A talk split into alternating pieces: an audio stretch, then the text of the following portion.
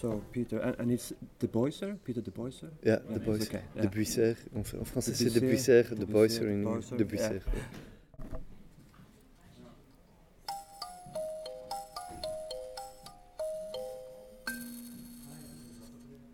Welcome to the Green Podcast.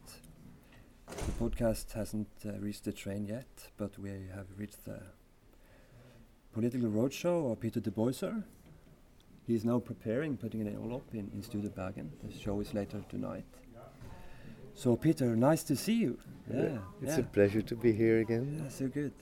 Uh, so, so what is this uh, roadshow? Is uh, like uh, you, you sent us a lot of uh, like a reading list of twelve books on political theory behind the piece. Uh-huh. Oh, uh, Oh, is this series political theory about uh, expanding democracy? It's a, it's a, yeah, sure, sure. It's serious theory, but um, it's theory in practice and uh, in practice and in play. So um, no, the, the, the theory is just um, a tool that can help a little bit. And when when we send out, when, when we try to explain about the show, of course there, there, there is theory that, that helps us to understand, but the basics of it doesn't come from theory, but comes from uh, living and seeing all the the the pain and the polarization and the lack of understanding and the lack of empathy and the urgency that uh, in which we just um, move on in our daily lives in, in, in our society. And so, so theory is just a tool to help. But it starts from the it, the fact that, that we see that in, instead of um, um, thinking about how we can expand democracy, we start to radicalize our personal wounds and our identities. And that is the, the, the, the- core of the, of, of, of the problem to me. then, of course, theory j- just can help, but it's not only theory, also good actors can help. And I found good one.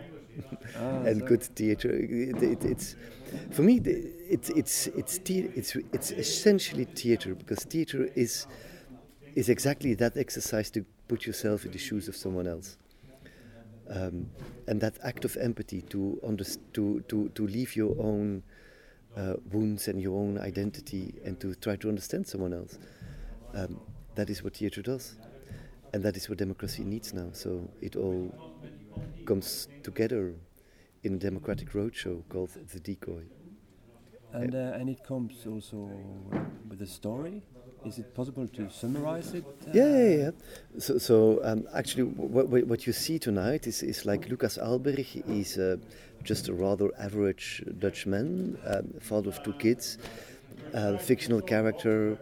Um, he's been um, manipulated by a European elite to become their decoy, like hunters um, create a fictional or fake animal to um, lead all the real animals the hunters want to hunt and want to shoot into the direction the hunters want. They invented him, they um, manipulated him. Um, um, and sent him out in a political field in, in, in society, like, like helped with, with media techniques and social media mani- techniques. and- manipulate him in kind way, kind of way. uh, but like, like for instance, they they um, around him they they have a lot of money. th- th- These these secret elite, and they, like for instance, they organize an, an, an accident around him in which he will save a child in the traffic. Ah.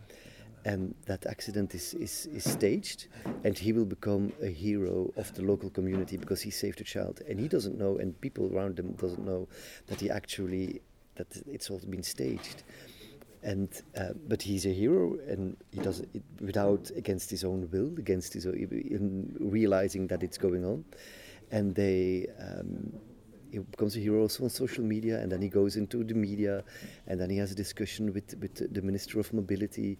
And it all goes well. He's been accompanied by, by, by these elite who give them um, assistance in, in, in his media uh, um, shows, in his media invitations, media talks, and it grows and it grows and it grows, and th- this very average, popular, normal man becomes the inspirational figure of a huge political movement. And with that political movement, we are now in Bergen, and he will present this political movement and will ask uh, you all to join his movement. Yeah. Okay. that is the story. Yeah, yeah, Um, and it's up to you. We, yeah, you, yeah, we are all. It's not finished yet. No, no, there is no end. Not at all. There is no end. It, it's it's hardly a beginning, and it's very. Um, there literally is no end because the, the, the, there it, it's it's uh, it's the entire play for us. It's a balancing exercise between. Um, impossible to solve um, contradictions. Like you need to trust the people, otherwise you don't have a democracy. While very often the people um, are ill-informed and vote or act against their own goods. Like for instance, this is called a green podcast. If I hear as well. Yeah. It's extraordinarily urgent that we take measures for to, uh, for climate. yeah. While An extinction of Yeah. And these these measures are just they still have no democratic support. So there is a huge fight to do. Yeah. and these for instance these demo, this elite that has um, manipulated that's manipulating uh, uh, uh, Lucas Alberg they know that our species is extinct is, is on the on the on the is, is going to extinct it's going to die. Yeah. and we need to do act, we need to act now. But people don't they, they just don't care. They they, they, they want their, their their mercedes they want their their, their trip to Crete with the fly, with the cheap flight um, so there is no there is and in order to create that um, democratic gap they manipulate Yeah. um, so they sort of um, put democracy between brackets to Yeah. save democracy Yeah. which is Yeah. Yeah. ambiguous is- but maybe they save the planet with it This is very, very relevant for the for the Green podcast. But but also, uh, but you came here by plane yourself. Yeah, we tried. We, yeah, to, to- Yeah. of course, of course. We, we tried. uh, It would take us uh, five days from Brussels Yeah.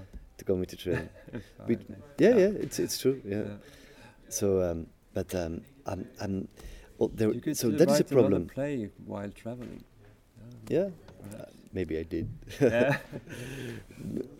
But but it's not about also that it's not about imposing one's own moral superiority. No. Um, and it's also trying to live with this um, failure, trying to live with this slowliness and this. Um, but at the same time, there is this extraordinary urgent thing. We need to take action now. At the same time, it's hard to get it done on a democratic way. Um, so what to do? It's it, it's I, I, I, I love this this this. Um, um, it's also brain distortions because you really need to. We are all fully aware action now, and we are all fully aware, but we wanna- remain Democrat. There is a contradiction. We come to a point that there is a there is a there is a there is a contradiction. The elected, like for instance in Belgium, the elected politicians, if they want to be elected, they have to calm down their climate uh, uh, uh, measurements, or they will just not be elected. So it goes very slow. Thank you very much. Uh, we are almost on time on the seven minutes. a little bit over time. Okay. Yeah. So I'm and I'm uh, looking forward to tonight. Yeah. Thank you very much, and welcome back to another episode. yeah. Welcome.